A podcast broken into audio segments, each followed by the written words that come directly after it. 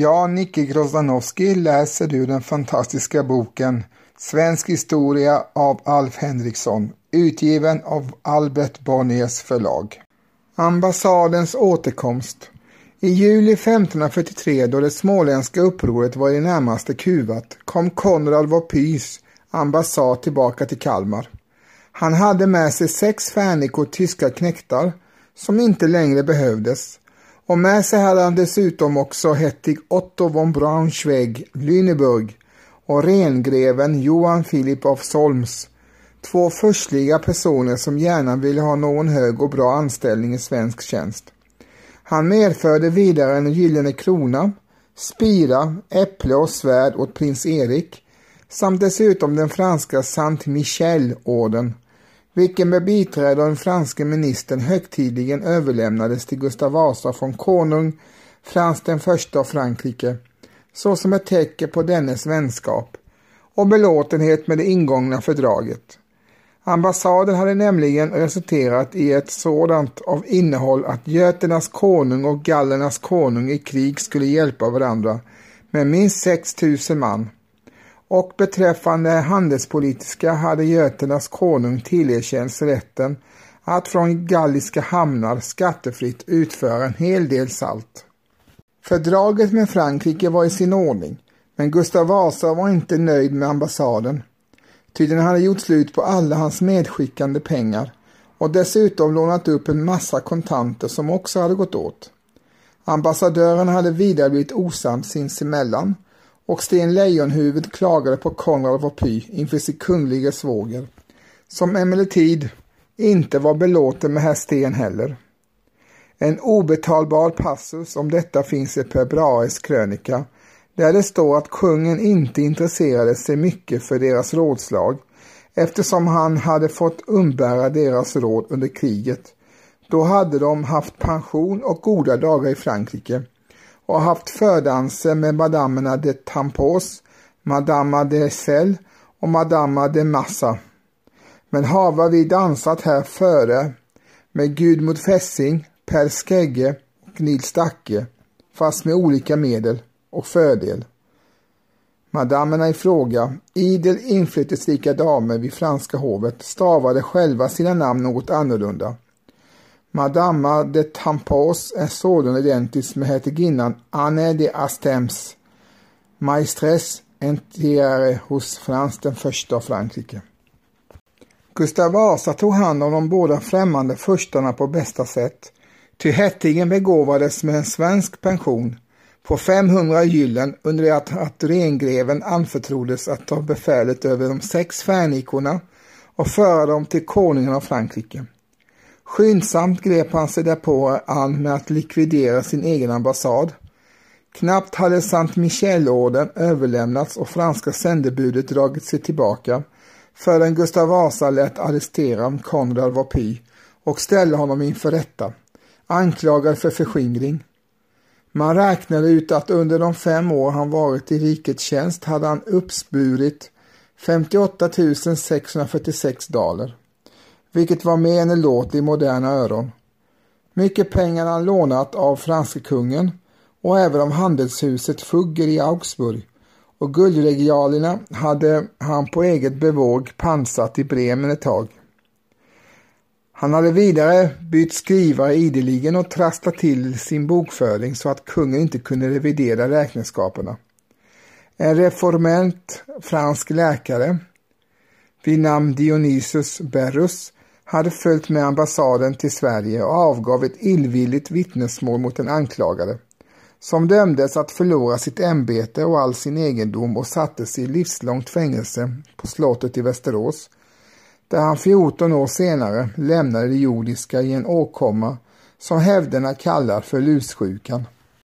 När domen redan var fälld kom det brev till Gustav Vasa från ingen mindre än Martin Luther som kunde upplysa att Konrad Vopy egentligen hette Potinger och var ofrälse samt att han hade gjort sig skyldig till tvegifte.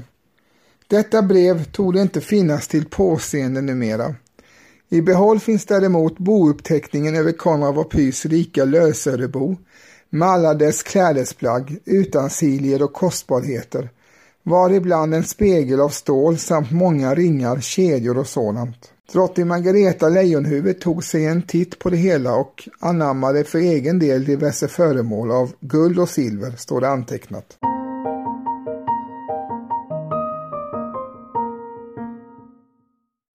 Att Konrad var Pys fall hade samband med Dackefejden har man alltid antagit och i nästan alla svenska historieböcker kan läsas att Gustav Vasa tog varningen av detta småländska uppror och från den tiden inte skänkte sitt förtroende åt utlänningar mer utan befiltade sig om svensk styrelse i Sverige.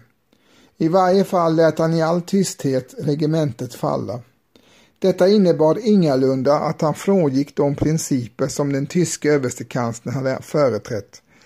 Ty det skrivardöme och ämbetsmannavälde som denne hade grundat utvecklades ytterligare och består väl på sätt så vis än idag. Och de kontinentala tankar han hade formulerat om konungadömet av Guds nåde övergavs inte heller. Men tonen i konungens offentliga skrivelse är onekligen lite mjukare alltifrån det stora propagandaåret 1543. Och i slutet av det året skrev han mycket hjärtligt till menigheten i de olika landskapen och kallade till ett allmänligt riksmöte i Västerås, där man borde göra slut på all söndring och tvedräkt i riket och vinna frid och sämja i både andliga och världsliga ting. Mötet, där även de ofrälse stånden var representerade, kom till stånd i januari 1544 och samsades om någonting som kallades arvföreningen. Beslutet därom utfärdades av adeln ensam på allas vägnar och innebar att kronan skulle vara ärftligt på manliga linjen av Gustav Vasas hus och att hans döttrar skulle få en ärlig brudskatt när de gifte sig. Deras ättlingar borde komma i åtanke vid eventuella konungaval som naturligtvis skulle komma, komma till stånd endast ifall alla manliga linjer av Vasahuset hade utslocknat. Vilket mänskligt att döma inte var att vänta i brådskandet.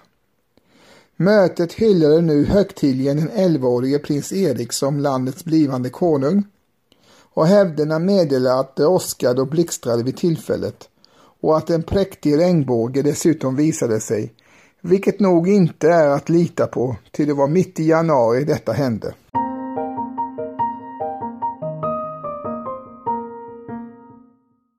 Försvaret Arvföreningsriksdagen i Västerås fattade också beslut om vidlyftig försvarsplan och ett antal fästningsbyggen. De kom alla till stånd och står delvis än idag. Uppsala, Vadstena och Gripsholms slott. Ett antal huvudsakligen tyska byggmästare sattes dessutom i arbete med att bygga om medeltidsborgarna i Stockholm, Kalmar och Örebro, Kronobergs slott, Stegeborg och Gamla Älvsborg och annat. Krutet var ju uppfunnet, skjutvapnen hade utvecklats raskt och fotografationskonsten befann sig överallt i en sjudande utveckling. I Danmark hade man sålunda nyligen blivit färdig med den ultramoderna fästningen Malmöhus. Militär användes i viss utsträckning vid byggnadsarbetarna. Några regementen av värvade svenska knektar huvudsakligen från Dalarna och Småland sattes upp efter Dackefejden och kungen var angelägen om deras anseende. 1552 skrev han till rådet, adeln och fogdarna och förbjöd dem att underkuva, pucka eller illa traktera hans rekryter, som inte heller fick kallas tröskare, burbänglar och andra obekväma öknamn. Åt sådana omsorger ägnade sig Gustav Vasa ivrigt åt de år han hade kvar att leva och regera. Inga inrikes motståndsmän stack upp vidare. Men förhållandet till främmande makter var på väg att bli desto värre. Med ryssarna utbröt öppet krig i mitten av 1550-talet. Det började med tvister om var riksgränsen egentligen gick inom trassemarkerna i Savolax och Karelen. Och de militära operationerna inskränkte sig till en del gränsräder i trakten av Viborg. Gustav Vasa for emellertid själv dit och ordinerade brännvin, renvin, mjöd och prysning åt soldaterna på det att de skulle bli mera oförfärade och lättsinniga till att angripa fienden an. Som han uttryckte saken. Han föreskrev också att finska knäktar från armén skulle sättas till befallningsmän över finska folket och befallas att utsprida att ryssarna behandlade sina fångar på det mest barbariska sätt. Varefter han hoppades att finnarna skulle göra bättre motstånd. Läget var nämligen ganska bekymmersamt ett slag därför att en epidemi härjade i härden med hosta, värk och magplågor som man med ringa framgång sökte bota med vitlök och åderlåtningar. Lyckligtvis blev det aldrig någon riktig fart på kriget och inom ett år var man redan mogen för fredsförhandlingar som fördes i Moskva, där ärkebiskop Laurentius Petri, Åbobiskopen Mikael Agricola samt tre högadliga svenska riksråd undfägnades med stort kalas av Ivan den förskräcklige, vilket omsider gjorde veteligen att han hade avlagt sin vrede och av nåd hade täckts befalla sin ståthållare i Novgorod att hålla fred med konungen av Sverige i 40 år.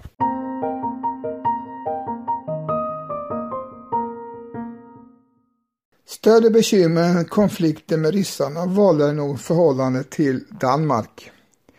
Tre år efter det högtidliga Brömsebromötet lyckades Kristian III få trygghet för sin dynasti genom ett fördrag med tyske kejsaren, vilket därefter inte längre stödde Kristian IIs döttrar i deras och deras mäns tronanspråk, men däremot utverkade att Kristian II själv fick det drägligare i sin fångenskap och bereddes tillfälle till jakt och förlustelser.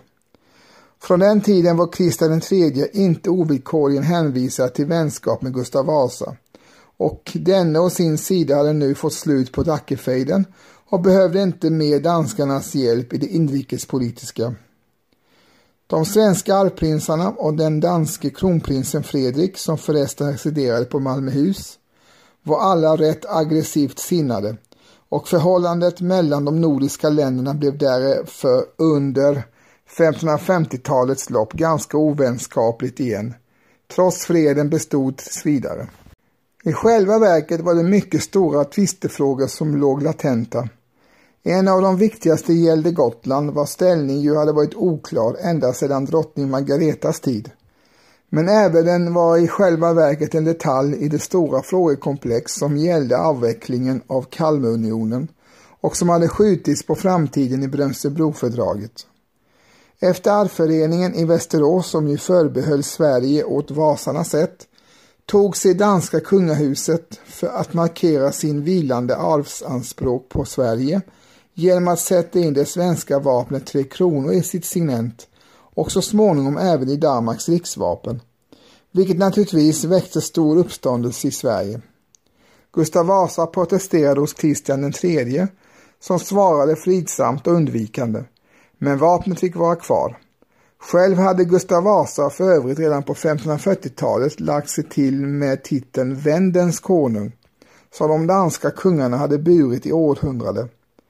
Denna sak, som märkligt nog aldrig uppväckte gräl på tillnärmelsevis samma sätt som usurapteorierna om de tre kronorna, hängde ihop med att eh, tidens nordiska lärde hade för sig att vänder vore samma sak som vandaler om vilka sistnämnda det står skrivet hos Jordanes att de underkuvades på sina gamla boplatser vid Östersjön av de från Norden utvandrade götarna. Med stöd av den notisen kallade sig götakonungen Gustav Vasa alltså även för Rex Vandalorum, Vendes konung, en titel som ju alltjämt bärs av hans efterträdare i sena led. Frågan om Tre kronorna hade varit livlig och debatterad i svensk och dansk historieskrivning genom seklerna. För moderna människor ser det ut som en obetydlig etikettsfråga. Och Henrik Schück avfärdade på sin tid det hela som barnsligt käbbel. Men i det heraldiskt engagerade 1500-talet var det nog inte så enkelt och för Gustav Vasa framstod saken i varje fall som upprörande och oroande. De tre kronorna representerade för honom ett land som han på det hela taget betraktade som sin privategendom. Han var angelägen om att det skulle stanna inom familjen.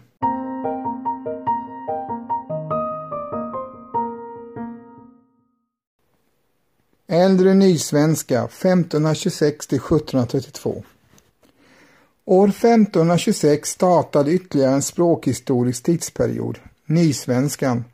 Den pågick ända fram till år 1906 men delades upp i två mindre delar, äldre och yngre nysvenskan.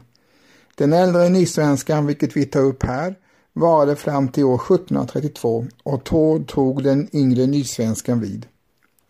I slutet av 1400-talet kom boktryckarkonsten till Sverige, men det var på 1500-talet som det slog igenom.